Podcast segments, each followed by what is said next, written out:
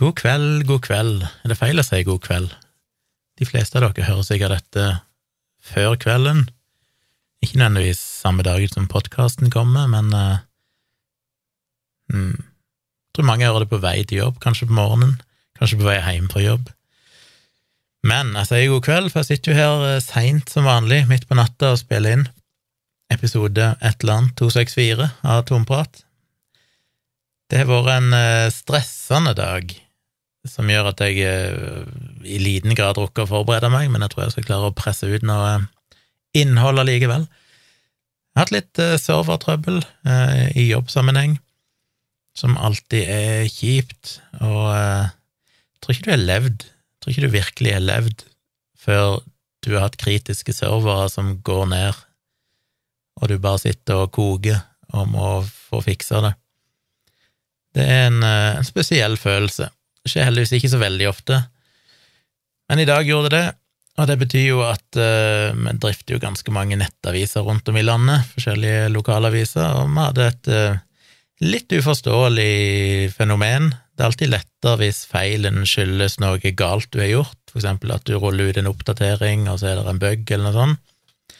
Jeg rulla riktignok ut en oppdatering i dag, men det var ikke noe bug i den, men den trigger tydeligvis en eller annen kaskade av uh, forsinkelser i systemet, som overbelasta noen servere, og så havarerte alt en periode. Og um, det løste seg til slutt, så jeg tenkte sånn huh, det var nå godt at ting ordna seg, selv om det alltid er litt kjipt når du ikke helt kan peke spesifikt på hva som forårsaker det, selv om vi har jo en teori.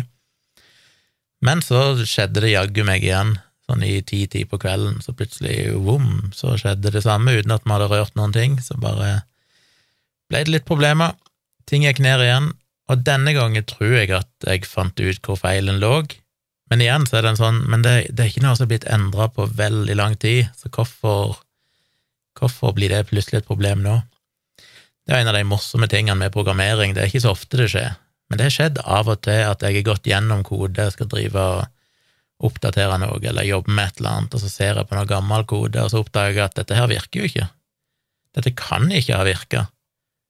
Men av en eller annen grunn så virker det åpenbart, og ingen har iallfall klagd på det, selv om denne koden ikke er blitt endra på fem år. Men når jeg går gjennom det, så er det helt åpenbart at dette her ikke virker, og når jeg tester det nå, så virker det ikke. Det er sånn ah. Ja, det er jo et, et fenomen her eh, for et par uker siden som jeg aldri har opplevd før i mine 20 år, tror jeg, med programmering. Og det at jeg mista kode. Jeg utvikla noe greier for en kunde, og så var ikke de klart at jeg skulle rulle det ut, for de måtte gjøre noen tilpasninger på sin side, så det ble liksom bare liggende i flere uker. Og så eh, plutselig så sa de å ja, forresten, vi hadde glemt vekk det der, nå, du kan rulle det ut i produksjon. Og så tenkte jeg ja, det skal jeg gjøre og så fant jeg det ikke igjen. Vi har jo et sånn versjoneringssystem som heter Git, som alle programmerere kjenner til, som betyr at hver gang du For å si det enkelt, hver gang du lager ting, så lager han en versjon på en måte sånn at du kan teknisk sett gå tilbake igjen og hente ut en tidligere versjon hvis du har fucka opp et eller annet. Og du kan òg branche ut, det vil si at du har en master branch, der på en måte hovedkoden ligger. Skal du gjøre endringer, så kan du da splitte ut en sånn forgreining, der du har en slags kopi, en sånn sidegrein av koden der du kan jobbe. Og det kan flere programmerere gjøre, de kan splitte ut hver sin egen grein og sitte og jobbe med den.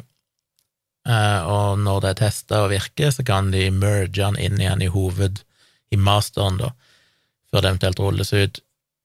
Og det hadde jeg gjort, jeg hadde liksom splitta den ut og jobba med den, men av en eller annen merkelig grunn, når jeg skulle rulle den ut, så var alt vekke. Og jeg satt og søkte gjennom gamle versjoner og etter alt jeg kunne tenke meg av relevante nøkkelord som jeg visste eksisterte, som var nye, og som jeg visste kun eksisterte i det nye. Ikke tale om. Borte vekk, så jeg gjøre det på nytt, og det er alltid deprimerende. Fordelen med å gjøre det på nytt er jo litt som med alle sånne ting, hvis du mister et eller annet du har jobba med, så blir det ofte bedre andre gang. Så det kan jeg ikke, vet jeg ikke om det gjorde nå, for jeg husker ikke helt hvordan den gamle versjonen var, men, men det føles jo som at når du har gjort det en gang, så har du jo tenkt gjennom en del problemstillinger og hvis du da blir tvunget til å gjøre det på nytt, så er det sannsynlig at du gjør det mer effektivt. Så det er enkelte sånne mystiske greier som er litt morsomt, syns jeg, fordi eh, programmering er jo så logisk. Det er liksom enten-eller. Det, det er ikke datamaskinen som gjør feil, det er du som gjør feil. Glemmer du et komma, glemmer du et semikolon, glemmer du et hermetegn, så er det din feil. Datamaskinen bare tolker det du skriver inn. Men så er det av og til det er sånn du får, blir nesten litt sånn wow, dette er jo spooky. Dette her kan jo ikke virke, men så virker det likevel. Det gir ingen mening. Det er jo den paranormale sida av programmering. Den er jo fascinerende. Så litt sånn trøbbel stressa meg, sånn til rett og slett kjenner jeg er litt stiv i nakken. Jeg har sittet her og vært ganske anspent. Det kjipe er jo det at jeg hadde planer om å gjøre andre ting, for jeg spilte inn en video forrige helg, men det var så travelt med jobb. Jeg satt og utvikla nye ting for noen kunder. Og så i tillegg, når jeg endelig tenkte at i dag skal jeg få tid til å, å redigere litt video, så får vi serverproblemer. Så det er sånne ting som spiser opp tida mi, og det er det som er så frustrerende her i livet. Så mye jeg vil gjøre. Jeg vil øh, gjøre alt mulig, men øh, du skal tjene penger til livets opphold, og da, da er det ikke lett å få gjort det en kanskje brenner for mest av alt. Så sånn var nå det i dag. I morgen, det vil si i dag når dere hører dette, for så vidt i dag når jeg spiller inn, altså fredag, så tar meg og Tone en liten spontan tur til Tonstad, der mine foreldre bor, der jeg er oppvokst, i Sirdal kommune, som er litt over to timers kjøring herifra. Fordi eh, skal, jeg må gjøre en liten jobb med et serverrom på Tonstad. Eh, det er ikke der vi har hovedserverne våre til nettavisene, men vi har noen sånne utviklingsservere, noen backup-servere og sånn stående der. Og der skal jeg inn og gjøre en liten jobb på serverrommet som eh, må gjøres, så da må jeg hoppe i bilen og kjøre til Tonstad for å gjøre det, så da benytter vi anledningen til å ja, besøke mine foreldre, og så overnatter vi vel der. På vei tilbake igjen så passerer vi et eh, hus slash hytte, nei, det er et hus, som noen venner av meg eh, har, og der de visstnok er i helge, så det er mulig vi rekker å stikke innom dem og ta en kaffe på veien, hvis de er hjemme, hvis ikke de er ute og gjenger tur eller et eller annet, som de ofte gjør når de er der. Så det kan jo bli trivelig. Jeg vet ikke, det er liksom, jeg syns det er litt Selv om jeg egentlig ikke liker å kjøre, og syns det er litt slitsomt, så er det alltid et eller annet med Jeg syns alltid det er litt gøy å tenke sånn oh, i morgen skal vi ha en liten roadtrip. Det er alltid, alltid litt deilig å komme seg ut, og det blir mye å bare sitte inne her. Så en forandring fryder jo, og neste uke, på onsdag, så kjører vi til Oslo. Da skal jeg inn og fotografere. Tone skal tatovere seg, tatovere seg. Så da blir vi der fra onsdag til fredag. Så kjører vi hjem igjen. Atter en roadtrip som er vesentlig lenger. Men godt å komme seg litt ut. Jeg tenkte jeg skulle eh, Ja, jeg tror ikke jeg har noe mer dilldall å si. Er det skjedd noe i livet mitt? Nei, jeg må vel si det at eh, jeg nevnte vel i forrige episode, tror jeg, at vi sikkert skulle ha en livestream fredag kveld. Det blir det jo ikke allikevel, siden vi skal kjøre til Tonstad og bli der, så da er vi ikke her i studio. Så beklager, av og til, eller ofte, så kommer livet litt i veien for planene. Men det håper jeg dere overlever. Vi får se om jeg eh, tar det igjen, eller hvordan det blir. Den videoen jeg har spilt inn, hvis noen skulle være interessert i den, den er en liten gjennomgang av min musikalske karriere. Egentlig med fokus på dette ringetonegreiene jeg drev med, som jeg jo blogga om for noen år siden. Tenkte det var litt kult å lage en video, rett og slett fordi jeg fikk en forespørsel for en tid tilbake i en som ville jeg skulle lage video om flere sånne ting, om ting som jeg hadde gjort, og livet mitt, og, og blant annet det med musikk, for det var jeg nysgjerrig på. Så da tenkte jeg at det kan jeg gjøre. Så jeg satte meg ned og prata litt om det, og spille av en del musikk eller ringetone som jeg har laga i den tida jeg gjorde det, og fortalte litt om prosessen. Og... Så det blir nok en, ja, en sånn halvtimes video, med mindre jeg finner ut jeg skal bare kutte ut mye av det. For de spesielt interesserte, kanskje. Men litt gøy å se. Dere, håper dere vil se han når han kommer. Vet ikke når jeg får han ut. Hvis jeg får redigert noe på lørdag eller søndag, så får jeg han kanskje ut før vi reiser til Oslo. Hvis ikke, så er vi jo vekk en del neste uke òg, så da får vi se hvordan det går. Foreløpig så er vi negative for covid, og Tone fikk vel sin tredje dose i dag, som er fint. Da er jo den innabords før vi skal til Oslo. Så eh, ja, så det er bra. Det har gått bra med dattera mi, hun er ikke blitt så veldig sjuk. Skulle bare hatt fri fra skolen og leie hjemme og spilt PlayStation sikkert og kost seg. Eh, jeg fikk, jeg ble tagga på Twitter av en fyr som viser til en artikkel i Dagbladet som kom ut i forgårs, den 2. februar, som heter 'Nedstengingene forhindret nesten ingen dødsfall', ny stor studie. Og Det er altså en eh, ny, stor metaanalyse som mener å finne at nedstenginga egentlig ikke hadde noen effekt. Konklusjonen oversatt til norsk her denne metaanalysen konkluderer med at nedstenginga har hatt lite eller ingen virkning på folkehelsa. På den annen side har de påført samfunnet enorme økonomiske og sosiale kostnader der hvor de har blitt innført, skriver det internasjonale forskerteamet med blant annet svenske og danske bidragsytere. Og avslutningsvis så skriver de følgelig har nedstengingspolitikk svakt grunnlag og bør avskaffes som virkemiddel i pandemihåndtering. Um, og jeg tenkte jeg skulle ta en liten kikk på det. Og det er tungt. Jeg skal lenke til originalstudien og Dagbladet-artikkelen eh, i shownotes for de som har lyst til å dykke ned i den. Men jeg har ikke hatt nok tid til å liksom virkelig eh, granske det. Det er komplekse greier vanskelig å liksom bare lese gjennom og ta alt eh, med en gang, men det er noen ting jeg merker meg som kan være interessant, for jeg nevnte, svarte vel han som tvitra meg, at jeg skulle, skulle, ta en liten prat om det i podkasten, for det var noen ting som jeg syntes var interessante å dra fram. Bare sånn veldig kort om studien, uten å gå i detalj, så var det en, eh, altså en metaanalyse, det vil si at de har sett på en rekke med andre studier det vil si at de har gjennomført et eh, litteratursøk og funnet studier som tar for seg dette temaet, da, effekten av forskjellige intervensjoner mot pandemien, som ikke er medisinske, altså ikke ting som er knyttet til vaksine og sånn, men alt som er ikke-medisinske intervensjoner, som for eksempel eh, holde seg hjemme, stenge butikker, stenge arbeids- eller bedrifter, maskebruk, eh, sosial distansering, ja, alt det der innreiseforbud i land, mye forskjellig. Og det finnes jo mye studier på det, men de endte vel opp med bare 24, tror jeg, til slutt, som de inkluderte, som da mm, ja, kvalifiserte til å bli inkludert. De ekskluderte jo for eksempel alle modelleringsstudier, for de ville kun se på studier som sammenligna harde data, eh, faktiske dødstall fra forskjellige områder, sånn på forskjellige tidspunkter for å se hvilken effekt forskjellige ikke-medisinske inter intervensjoner hadde hatt. Og det var primært, eller var det bare, europeiske land og USA. Og disse studiene varierte jo fryktelig mye. De så jo på forskjellige ting, som sagt, det var forskjellige tidsperioder, forskjellige varigheter, noen ja, de sammenligna på forskjellige måter.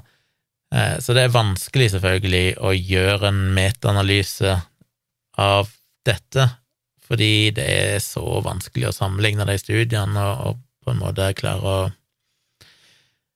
en, hva skal du kalle det, ensrette de, altså hente ut resultater og justere de i forhold til hverandre, sånn at de er sammenlignbare, og kunne hente ut et slags sånn gjennomsnitt, eller trekke noen konklusjoner.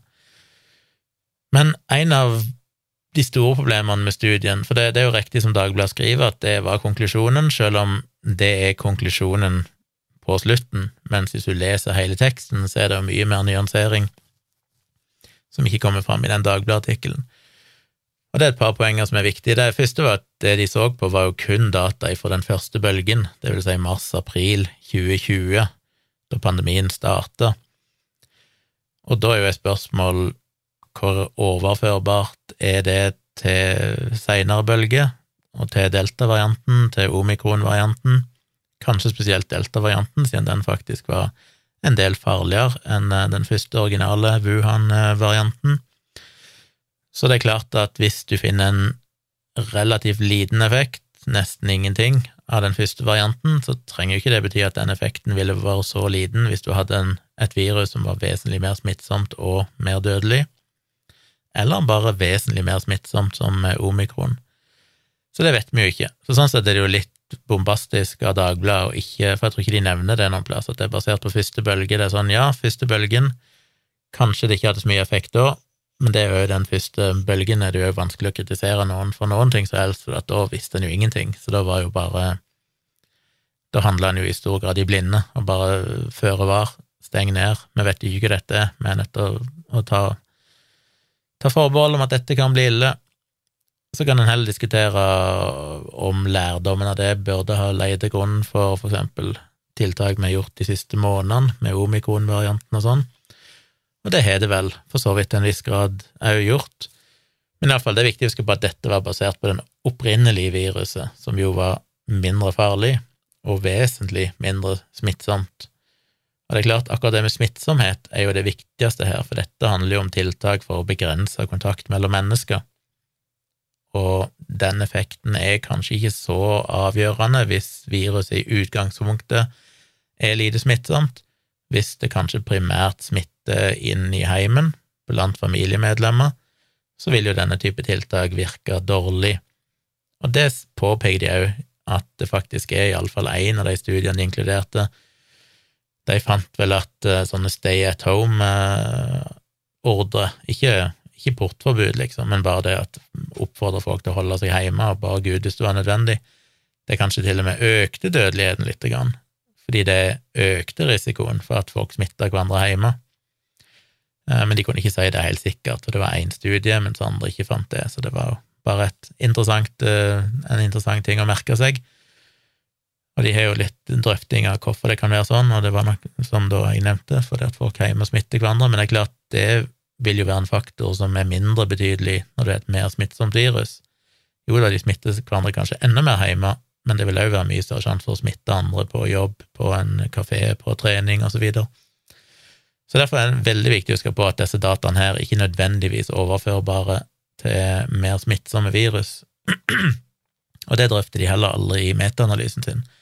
De sier ingenting om det, så vidt jeg kunne, fikk med meg, som er litt synd, selv om det er en helt ny, uh, nypublisert metaanalyse. De drøfter jo mye, de går gjennom altså Studiene så på forskjellige ting, noen så på forskjellige typer tiltak, noen sammenligna forskjellige regioner og land basert på en sånn indeks over hvor strenge lockdown-tiltak de hadde, for å se hvor mye færre dødsfall hadde du, avhengig av hvor mye høyere på den skalaen av nedstenging du var, og da fant de vel liten effekt. Noen så bare på sånne ordre om å holde seg hjemme, og så sammenligner de på forskjellige måter. Eh, jeg, skjønte ikke helt alt av det jeg leste, men de trekker jo faktisk fram Sverige som et eksempel på kanskje det landet som gjorde minst. Og når de da skal finne noe å sammenligne med for å finne ut hvor mye virker tiltakene i dette landet sammen med et land som har mindre tiltak, eller gjorde de aller minste tiltakene, så er det ofte Sverige da som blir, som blir brukt. De drøfter jo dette med at det er vanskelig å gjennomføre denne type studier, fordi det er så mye som Eh, mye psykologi som påvirker inn i bildet her. De har, ja, for eksempel så er det jo dette med timing bruker de mye tid på å drøfte. Fordi eh, hvis du har studier som har eksempel målt forskjellige punkter over tid, for å se hva er dødeligheten da, hva er dødeligheten da, hva er dødeligheten en uke seinere eller to måneder seinere, så kan det være vanskelig å sammenligne de datapunktene, fordi i løpet av den perioden så endrer klimaet seg, holdt jeg på å altså årstider og det ser vi jo sannsynligvis har en betydning. Eh, kanskje mindre smitte og sånn om sommeren enn det om vinteren.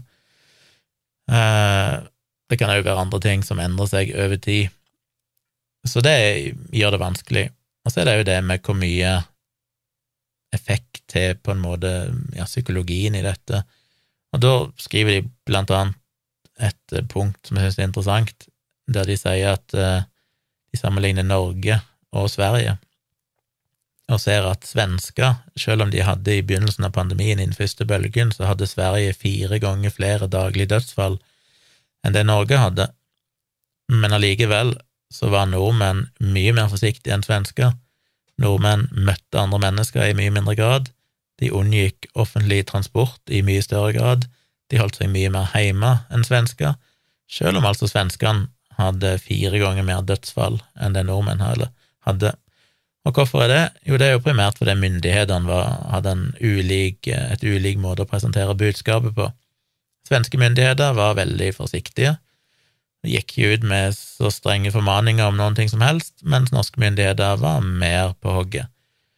Og det sier de at selv om om eh, tiltakene ikke nødvendigvis var ja, de var forskjellige, de òg, men de mener jo at den psykologien i det eh, hadde betydning, fordi teknisk sett var det ingenting, det var ikke ulovlig for nordmenn å møte andre mennesker, det var ikke ulovlig for nordmenn å bruke offentlig transport, men vi gjorde det mye mindre likevel enn svenskene, fordi myndighetene hadde gått ut med en mye sånn sterkere signal om at dette var alvorlig. Og de oppfordrer oss sterkt til å distansere og sånne ting.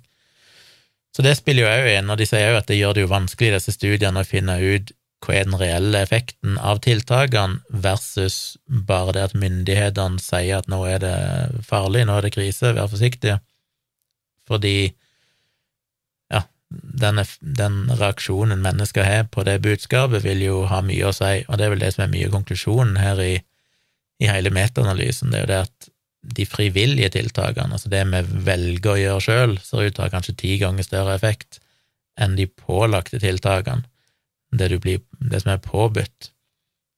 Så i stor grad så sier jo ikke nødvendigvis metaanalysen at dette ikke virker, den sier ikke at sosial distansering, alt dette her, ikke er nyttig, den sier bare at det å påby det på en måte ser ut til å være lite effektivt fordi folk i så stor grad eh, tilpasser seg og er forsiktige og sånn, eh, av egen fri vilje.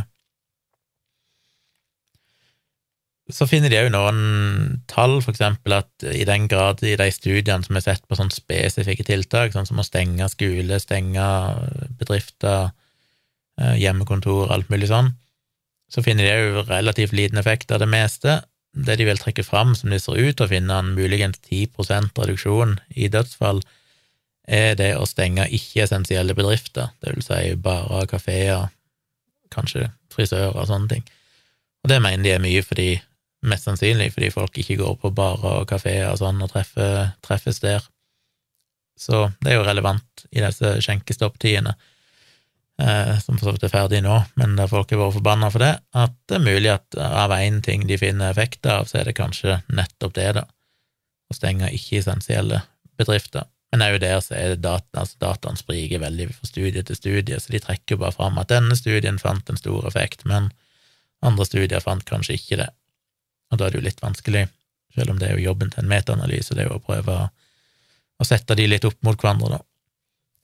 Finne ut som er det mest sannsynlige konklusjonen på tvers av alle studiene. De finner òg eh, studier som sier at maske ser ut til å virke, eller munnbind, så det er tiltak de faktisk mener kan være effektivt, men igjen, veldig sprikende data, og det er litt vanskelig å tolke dataen, sier de, for det ja, mye vanskelig der òg. Og så sier de òg at det muligens var kontraproduktivt å begrense folks mulighet til å samles utendørs, iallfall. Og det, hvis jeg skal sitte igjen med noe som jeg òg tenker nok er en sånn ganske åpenbar feil som myndighetene gjorde Nå ble jeg usikker på hvilken grad de gjorde det, men om Jeg husker ikke hva som var lovlig og ikke lovlig, men i fall, de planta iallfall den ideen i hodet på oss om at vi skulle unngå folk. Og eh, jeg husker jo første bølge, eh, da bodde jo vi i Oslo. Da vi var ute og gikk tur, så var det sånn når du nærma deg noen, så gikk du i sånne store halvsirkler rundt hverandre, for ingen ville være i nærheten av hverandre og sånn. I realiteten så kunne en kanskje ha dempa smitten hvis folk i større grad hadde gått ut, og kanskje vært ute, møttes i parker, møttes ute. Det er klart, når pandemien starta, så var det jo eh, mars og ikke så trivelig å være ute, men sånn utover våren og sånn, så ville det kanskje vært mer fornuftig å la folk i større grad ikke gjøre folk så redde for å treffes ute. Og vi hadde jo noen eksempler på det i Norge. Vi hadde jo denne her eh, Black Lives Matters-protesten, eh, som en kanskje frykta ville føre til en, en oppblomstring i smitte, men der fant en vel ingenting etterpå, selv om ganske så mye mennesker i Oslo samla seg på våren. Så det er jo mye som tyder på at det å samles ute hadde liten effekt, iallfall med den første varianten. Det er klart omikron er betydelig mer smittsomt, så det er ikke sikkert vi hadde sett akkurat det samme nå. Men det er nok kanskje et av de feilgrepene som ble gjort, den ideen om at det var like farlig å møte folk ute som inne. Den eh, er det nok lite hold i. Eh, hva mer var det de sa? Eh, totalt sett skal en sitte igjen med en konklusjon og lese igjennom det, så fremstiller jo vel egentlig Sverige som den som gjorde minst, og som da hadde påfallende mye høyere dødelighet enn Norge mens Norge blir jo på mange måter trukket fram som kanskje det landet som har valgt den beste strategien. Derfor blir det jo litt misvisende med den Dagbladet-artikkelen, for det er klart den vil jo fremstille det som at tiltakene i Norge ikke virker. Hvis en leser den metaanalysen, så er det klart at der inkluderer det jo mange andre land, som Italia og land som har hatt rene portforbud og sånne tiltak. Eh, I Norge så har det vært veldig milde tiltak, tross alt. En kan sikkert diskutere effekten av å stenge skole, og som sagt, dette med å fraråde folk å møtes ute og sånn òg. Men generelt sett så trekker de jo fram Norge som et land som egentlig ikke gjorde det vanskelig for folk å treffe hverandre. Du kunne fortsatt ha sosial omgang hvis du ville. Ja, du skulle begrense antall folk du traff og sånn, men det var ingenting i veien for å treffe faste, nærme venner, så lenge du begrenser antall og sånne ting. Så det fremstår jo som når du leser denne faktiske studien, at Norge valgte en god strategi, og det føler jeg jo ikke helt kommer fram i Dagbladet, der ble jo aldri det trukket fram. Eh, sånn jeg tolker det de skriver i den metaanalysen, så fremstår det jo som at Sverige kanskje er eksempelet på å gjøre for lite.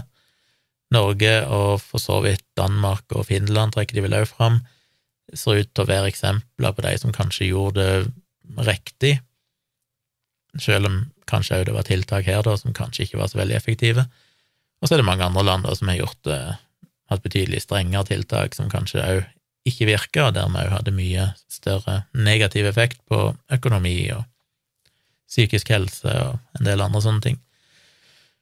Så den Dagbladet-artikkelen er nok veldig bombastisk, føler jeg, og får ikke fram alle nyansene. Metaanalysen er veldig lite bombastisk, egentlig, hvis du leser gjennom hele teksten, men helt på slutten, når de skal konkludere, så er det liksom sånn totalt sett så mener vi at dette ikke har noen effekt og bør frarådes.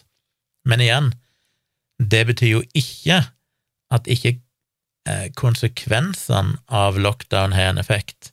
Det betyr bare at det å, å påby det, eller gå ut og ja, eksempel kreve hjemmekontor og, og stenge skole og sånn, muligens ikke er så mye effekt men den, det frivillige valget om sosial distansering, ha hjemmekontor, alt dette her ser ut til å ha en effekt. Så derfor er det jo ikke Det er ikke det ja, Det er en subtil, men veldig viktig forskjell. Det er jo ikke det at ikke det virker å faktisk forholde seg til de tiltakene. Det er bare det at folk i veldig stor grad ser ut til å velge å gjøre det frivillig, hvis de først får beskjed om at nå er det en pandemi, og den er potensielt dødelig, og alt. Det der. Og sånn jeg tolker deres konklusjon, iallfall. Så uh, dette er jo ikke et argument imot å faktisk oppføre seg fornuftig i en pandemi. Dette er jo ikke en, uh, en win for lockdown-fornektere som står og, og chanter foran Stortinget. Fordi de jo, gjør jo det motsatte av det den metaanalysen anbefaler. De går jo faktisk og sånn aktivt klemmer hverandre og skal være sammen og skal ut og treffe hverandre overalt og bryte regler og gå uten munnbind og besøke hverandre og være i store grupper og møtes i låver og ha foredrag sånn at folk dauer etterpå. Eh, det er jo ikke noe win til deg, for metaanalysen sier jo definitivt at selvfølgelig er sosial distansering og alle disse tingene en effekt.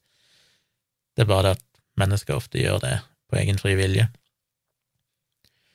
Uh, ja, så det var vel egentlig det tror jeg jeg trakk ut av den mine tanker rundt den. Dere får lese den sjøl, og hvis dere har, har, noen innspill til den, så kan dere jo maile meg på tompratpodkast.gmail.com. Fyr av gårde en mail hvis det er noe jeg har oversett eller burde nevne i neste episode. Jeg fikk òg en mail ifra eh, Hvem var det? Det var fra Odd Magne, som pekte meg i retning av en artikkel på Dagens Medisin skrevet av Ivar Mysterud og Jan Rå, publisert 28.01.2022.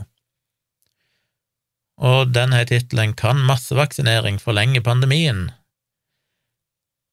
med ingress evolusjonær logikk tilsier at massevaksinering ikke kan få slutt på covid-19-pandemien, men forlenge den. Det er på tide å utvide perspektivet.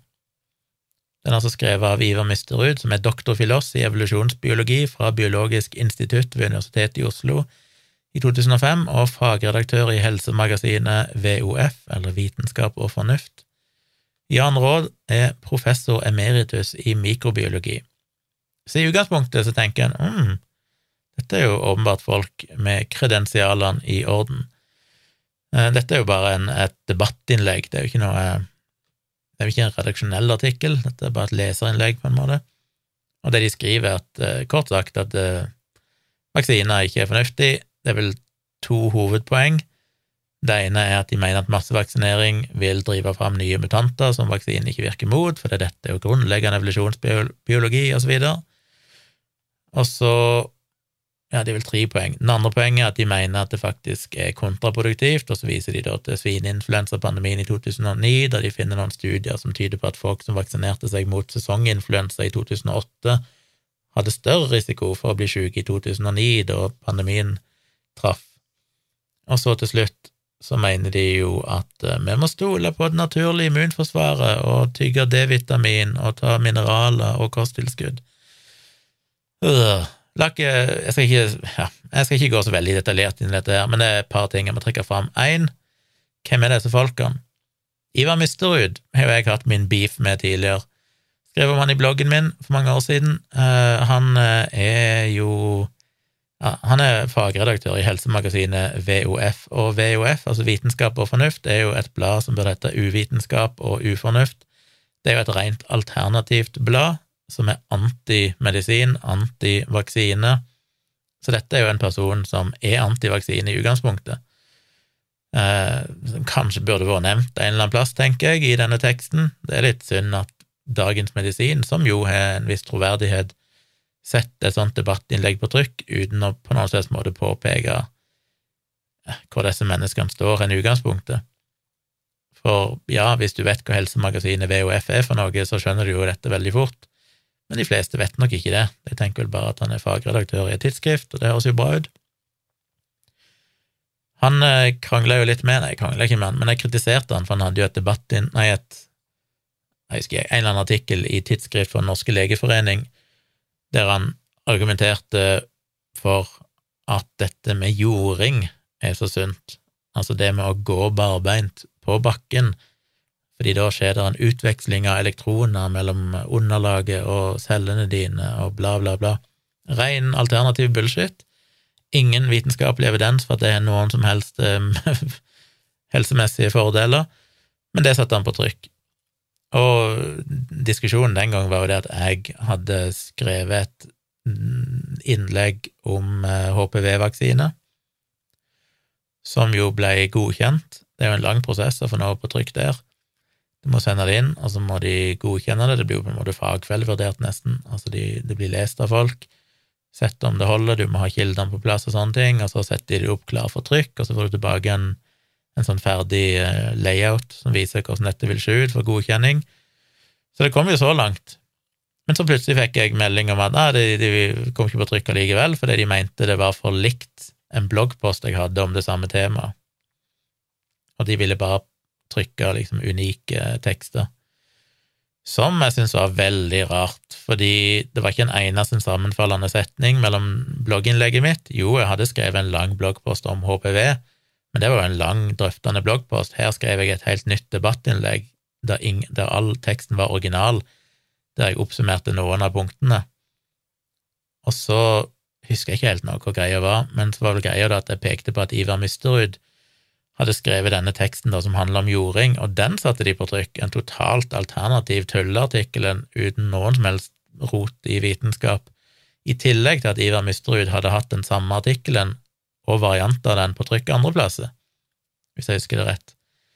Og så ble det jo et svært opprør på Twitter, der et tonn med sånne leger på Twitter sånn kritiserte tidsskrifter og syntes at dette var dårlig og sånn, og så endte det opp med at til slutt så ble innlegget mitt tatt inn allikevel. Så det var sånn jeg ble kjent med Ivar Mysterud. Det har ikke hatt noen direkte diskusjon med han, men eh, jeg fikk med meg da at han er ganske alternativ, og kanskje ikke den jeg ville satt min lit til. Hvis du kan være fagredaktør for et antivaksinetidsskrift, så vil du ja, så er kanskje ikke den personen du bør ta vaksineråd ifra. Jan Raa, professor emeritus i mikrobiologi, han er veldig fantastiske utmerkelser og kredensialer. Eh, en gammel fyr som har gjort mye men han er veldig opptatt av dette naturlige immunforsvaret og kosttilskudd, og hvis en googler han litt, så ser du at det er det han driver med.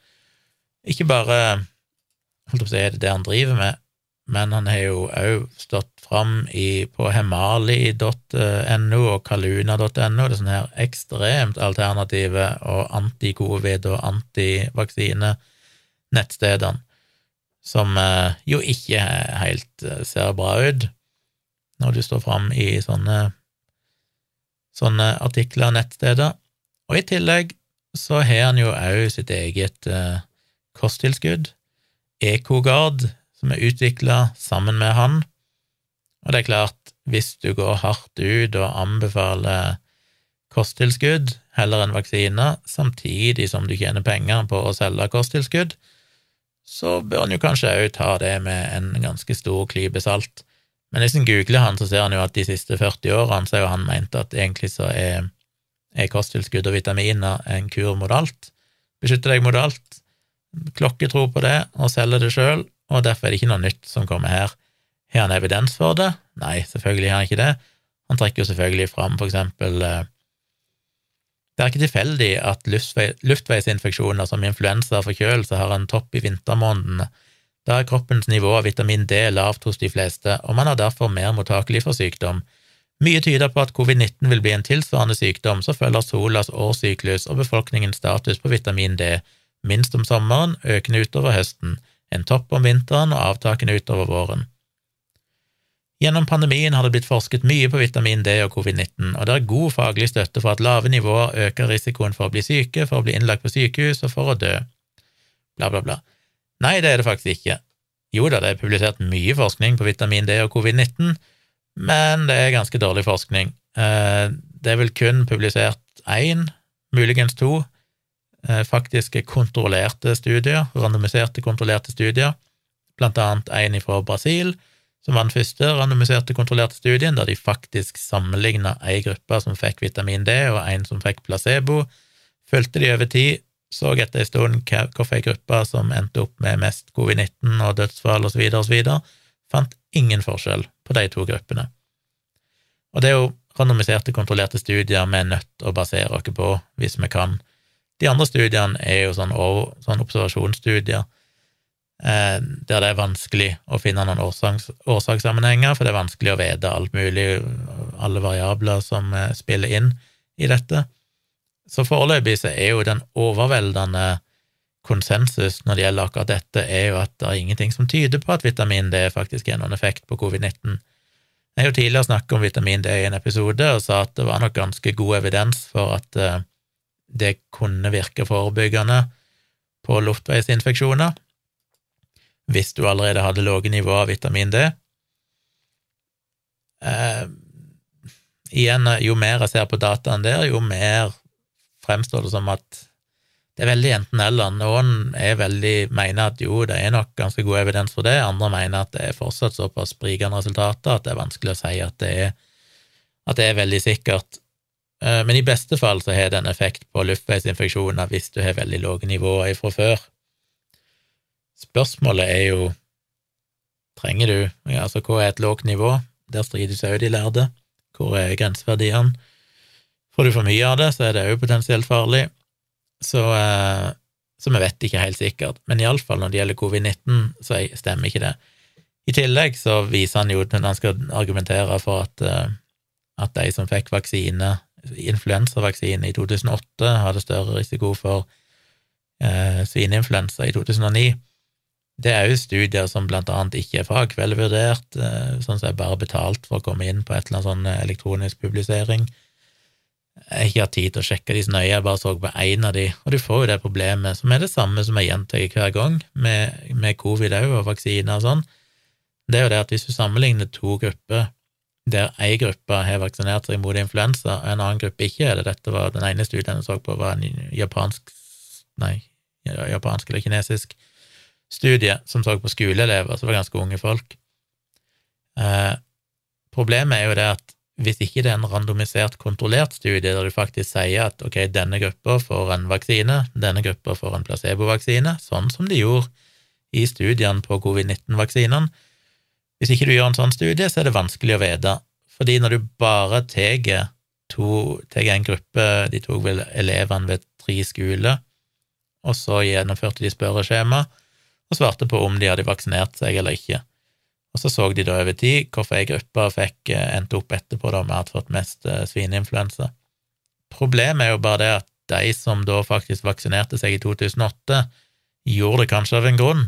De vaksinerte seg kanskje nettopp fordi de hadde en historikk med influensa, fordi de hadde underliggende sykdommer, fordi de var i risikogruppe, og da er det jo selvfølgelig større sjanse for at de òg blir syke året etterpå, når det kommer ny, et nytt influensavirus mens de som ikke vaksinerte seg i 2008, var kanskje fordi at de aldri har hatt noe problem med influensa. Så sier de vel at de til en viss grad prøvde å korrigere for disse tingene, men igjen, det er jo ikke en fagfellevurdert studie, så vidt jeg så i farten, så det er vanskelig å vite hvor godt de har klart å kontrollere for den type effekter. Men igjen, det er ikke en randomisert, kontrollert studie, og da er det vanskelig å stole helt på de dataene. Så han hiver inn mange lenker til studier, men det er fryktelig, fryktelig dårlige kilder han viser til. Han kom med bombastiske uttalelser, han snakker jo da om Ivar Mysterud og Jan Raa, selv om jeg vil anta det kanskje er Jan Raa som har hatt, eh, siden de har skrevet dette sammen, så er det kanskje han som har skrevet mest om dette med vitaminer og sånn, for det er jo hans sin, han sitt, han sitt, eh, sin kjepphest. Og så er det jo selvfølgelig til slutt da ganske vulgært og snakke om at eh, det går bra for folk flest, for det er det naturlige immunforsvaret takler dette helt fint, det er ikke en spesielt alvorlig sykdom.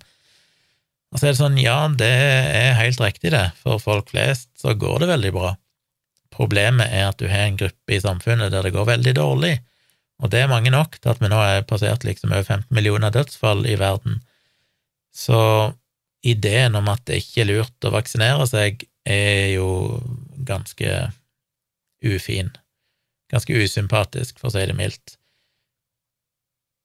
I tillegg så er det jo dette med, med innledningsvis da, med at jeg vil presse fram nye mutanter. Det vet vi jo det er det ingen dekning for, det er jo snakket om mange ganger før. Um, mutasjoner skjer jo helt tilfeldig.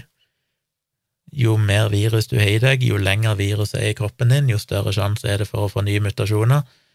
Og hvem er det som har mest virus i kroppen over lengst periode? Jo, det er jo uvaksinerte og alle, mutan alle, mutasjonene som er kommet så langt, ser ut til å ha oppstått i uvaksinerte eller, eller eh, områder med ekstremt lite vaksinering så langt, og det tror jeg det er viktig å huske på.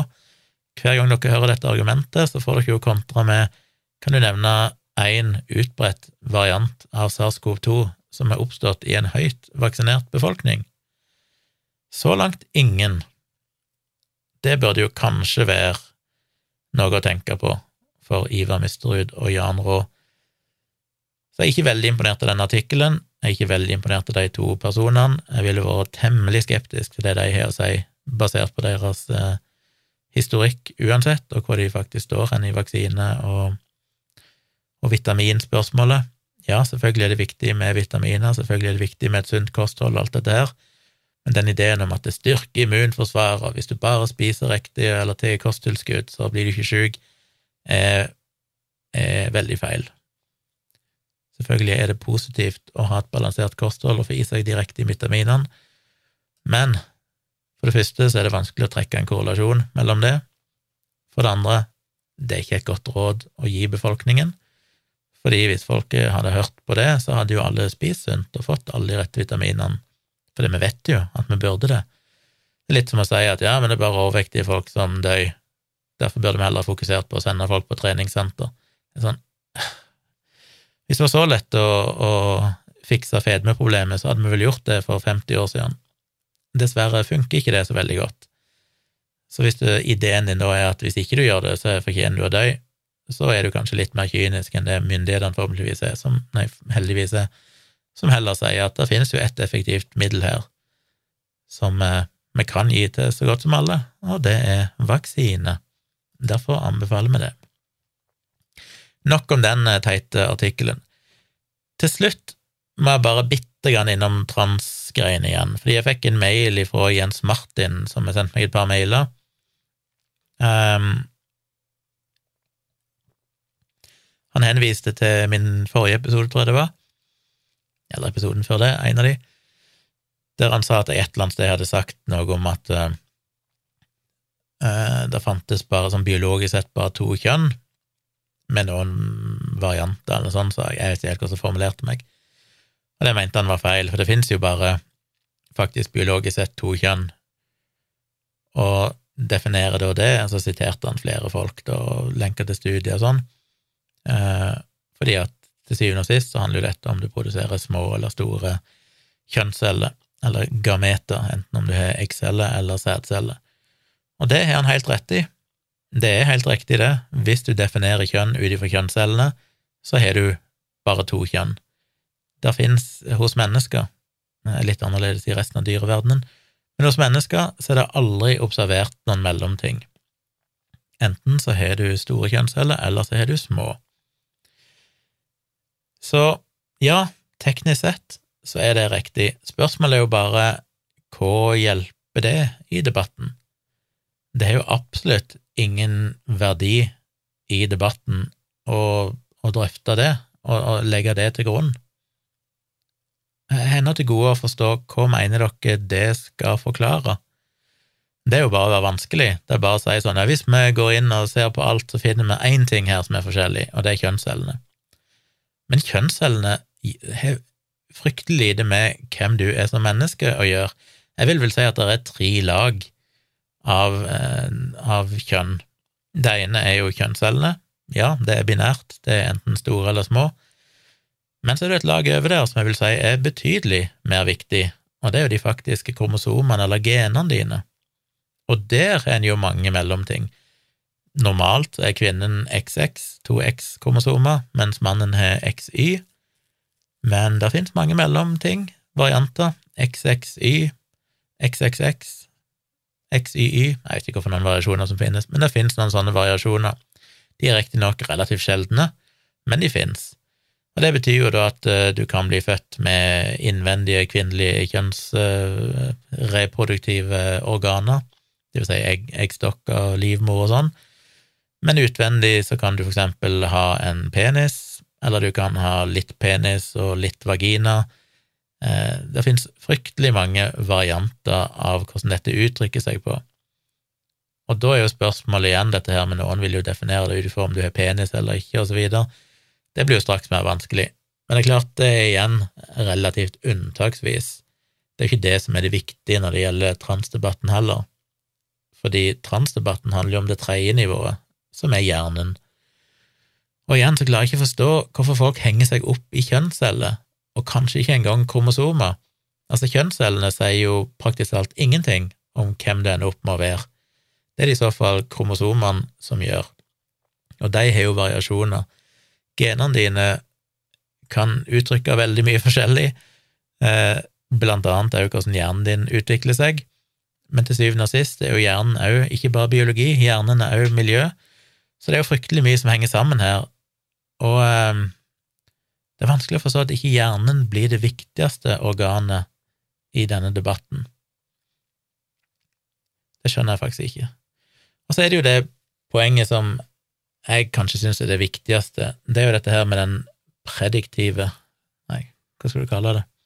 Ja, effekten.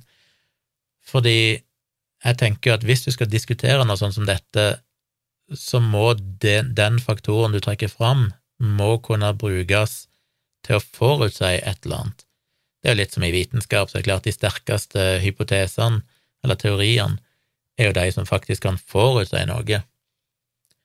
Eh, Igjen, da, et kjent eksempel er jo Einstein som, Einstein som eh, forutså at lyset kunne bøyes av gravitasjon, og forutså da at ei eller annen stjerne som normalt ligger bak sola, vil du på et eller annet tidspunkt kunne se, fordi lyset blir bøyd rundt sola av gravitasjonen til sola, sånn at selv om stjerner sånn fysisk sett ligger bak sola, sett ifra jorda, så vil det se ut som stjerner faktisk er på sida av sola, fordi lysbølgene blir bøyd Og en del år seinere, når det fenomenet oppsto, så fikk de verifisert at jo, fuck, det stemmer jo faktisk. Ergo hadde Einstein rett. Det er liksom definisjonen av en, en veldig sterk hypotese, som da blir en teori, fordi den faktisk kan forutse noe om framtida som viser seg å stemme. Og det er jo det jeg sliter med med denne kjønnsdebatten, for det kan du si noe om meg som menneske ut ifra at jeg har små kjønnsceller? Det tror jeg er vanskelig. Eh, du kan sikkert si noen sånne eksterne ting, som at ja, det er nok større sannsynlighet for ditten og datten, det er kanskje større sannsynlighet for at jeg har skjeggvekst, at jeg er hårete, og så videre. Eh, større sjanse, selvfølgelig, for at jeg har en penis, men er det de tingene som definerer hvem Gunnar Kjomli er? Det vil jeg jo på ingen slags måte si. Og så glemmer de jo det, da, at uh, det er så mange faktorer som er større mellom, eller innad i et kjønn, enn mellom kjønnene. Det er litt som med hele denne rasedefinisjonen, altså at dette med raser er jo kunstig. Det er ikke noe som egentlig eksisterer, for det er større genetiske forskjeller mellom men individer innenfor samme i gåsehud rase enn det er mellom individer i forskjellige i gåsehud raser. Og sånn er det jo eh, for så vidt med kjønn òg. Det finnes damer som har høyere testosteronnivå enn menn. Eh, er de da ikke damer lenger? Er de menn? Har det egentlig noe å si? Innenfor idrett og alt det vi snakker om, at hvis du har høyt testosteronnivå, bla, bla, så er det fordeler i idretten. Ja, men igjen så er det jo vanskelig da likevel å, å, definere det på grunnlag av kjønn alene, for hvis du bare sier at ja, du er biologisk kvinne fordi du har store kjønnsceller, ergo så kan du konkurrere med alle andre kvinner, samtidig så har du da kanskje kromosomer som tilsier noe annet, eller du har mer testosteron enn andre menn, eller enn menn, så blir det vanskelig. Så du kan ikke forutsi noe spesifikt om et individ basert på kun den kunnskapen om størrelsen på kjønnscellen deres. Og det vil jo være fryktelig fornærmende, synes jeg, hvis noen skulle anta noe om meg basert på det. Og det er jo selve definisjonen av likestilling, igjen til det jeg sa sist. Jeg mener, om det er noe likestillingskampene handler om, som feministene kjemper for, så er det jo nettopp det. Det at du er kvinne, har pupper, en vagina, det at du har store kjønnsceller, sier ikke noe om at du er mer eller mindre interessert i å mekke på biler, eller å jobbe med mat, eller være sykepleier, eller å være forsker. Men akkurat i transdebatten så mener de plutselig at det er fryktelig irrelevant allikevel, for det er vi visst fundamentalt forskjellige, menn og kvinner, som jo er ekstremt langt steg tilbake igjen i hele likestillingskampen, samtidig som disse feministene mener at det er en trussel mot likestillingskampen å akseptere transpersoner. Men jeg har jo aldri følt meg komfortabel med den der maskuline mannsrollen, den ideen om at du skal sitte og drikke øl og se på fotball og ut og slåss og sånne ting. Jeg lekte med symaskiner og dokker og lærte meg å hekle og strikke og sto på kjøkkenet da jeg var liten. Jeg har alltid hatt mye sånn feminine i gåsehud interesser. Jeg har alltid hata vold, hata konflikter, hata ideen om å slåss. Jeg er aldri likt å se på fotball og sånn, jeg har aldri likt å drikke øl med gutter. Jeg har alltid likt å henge med jentene og sitte og prate om følelser. Eh, så ideen om at jeg skal være en mannemannemann fordi jeg har sånn og sånn kjønnscelle, gir ingen mening. Så ja, på et sånn veldig statistisk nivå, selvfølgelig, så kan du si noe om det er en større sannsynlighet for at du kanskje ser sånn og sånn ut, at du ja, har enkelte egenskaper, men på individnivå så kan du ikke det, og til syvende og sist så må dette handle om individene. Jeg vil ikke bli definert ut ifra grupper menn. Jeg er Gunnar. Jeg skiller meg veldig ut ifra den stereotypiske ideen om en mann, mener jeg sjøl. Så eh, jeg tror vi må fokusere på det. Så for å oppsummere, ja, det er helt riktig at biologisk sett så er det bare to kjønn, men jeg er ennå til gode at noen klarer å forklare meg hvorfor akkurat den kunnskapsbiten der er relevant i debatten, på noen som helst måte. Det er utelukkende en avsporing. Det er utelukkende et desperat forsøk etter å si aha, her er vi et eller annet. men uten at de kan forklare hvorfor akkurat den biten av menneskelig biologi skal være det viktige. Jeg håper jo ikke Altså, de som trekker fram dette her eh, kjønnscelleargumentet, lurer på om de er komfortable med at jeg da på det grunnlaget sier at ja, men da er du nødt til å, å være en, en, fyr som liker å slåss litt og drikke øl og se på fotball, for det er jo sånn menn, folk med små kjønnsceller, er. Jeg vil tvile på at de fleste av de vil passe inn i den uh, stereotypiske mannsrollen, eller vil føle seg vel med at de blir pressa inn i en sånn bås. Men så er det akkurat det de ønsker å gjøre med transpersoner, fordi det passer de akkurat i den situasjonen. Ja, nok om det. Men det var vel, eh, hvis Jens Martin hører på, så eh, var det et slags svar, istedenfor jeg gadd ikke å svare på den siste mailen hans. Tenkte jeg heller kunne rante litt om det. Så ja, teknisk sett, du har helt rett, men jeg vil si at eh, det er bare det lågeste og mest ubetydelige nivået av de tre lagene som definerer det faktiske egenskapene knytta opp mot kjønn. Det tror jeg var alt for i dag. Jeg hadde ikke noe, mer å si, tror jeg. Håper at serverne oppfører seg. Gleder meg til å hoppe i bilen og kjøre i morgen. Litt irritert for at jeg ikke har fått redigert video på grunn av uh, jobbting, men uh, det kommer vel en, en, dag der jeg får gjort det òg. Vi høres igjen snart. Takk for at du hørte på. Støtt meg på Patron. Denne episoden havner jo der nå, øyeblikkelig og så kommer han ut til alle andre litt seinere i mor morgen. Men uavhengig av det, om du vil ha en reklamefri tidlig podkast, så setter jeg veldig pris på at du støtter meg. Så kanskje jeg får tid til å lage mer video og sånn, hvis jeg får nok eh, inntekter på, på den type ting. Får frigjort litt eh, tid til å prioritere og produsere bloggposter og podkaster og videoer og sånne ting. Foreløpig så kan jeg ikke det, så jeg jobber for fullt i mitt firma, og det er, går på bekostning av uh, disse tingene her, men dere kan støtte meg og hjelpe til med det. Så gå inn på patron.com slash tjomli og støtt meg på et eller annet nivå der. Jeg uh, har òg planer om kanskje to eksklusive podkastepisoder slash livestreams som kommer til å havne på Patron i løpet av februar, der jeg skal snakke med et par personer som jeg har avtalt med, og de vil da havne på Patron. Eh, er du der, så kan du se sannsynligvis både live, og du får jo sett det da tidligere enn alle andre, og så legger det kanskje ut offentlig mm, en, en del forsinka, ei uke, to uker seinere, eller et eller annet sånt. Men hvis du vil delta live og se det tidlig, så må du bli patron, så du får alle disse goodiesene. Så det håper jeg eh, jeg ser noen flere patrons det var vel det. Jeg er tilbake igjen på tirsdag. Jo, jeg rekker å spille inn det før jeg reiser til Oslo. Ja. Jeg er tilbake igjen på tirsdag. Neste fredag så blir det vel ikke noen episode, for da er jeg i Oslo, men mulig jeg pumper ut en som kommer i løpet av helga, eller så venter jeg bare til en uke etterpå. Men det kommer iallfall en episode på tirsdag i neste uke, som minimum. Og kanskje det venter dere en overraskelse i neste uke òg, vi får se. Vi høres igjen snart.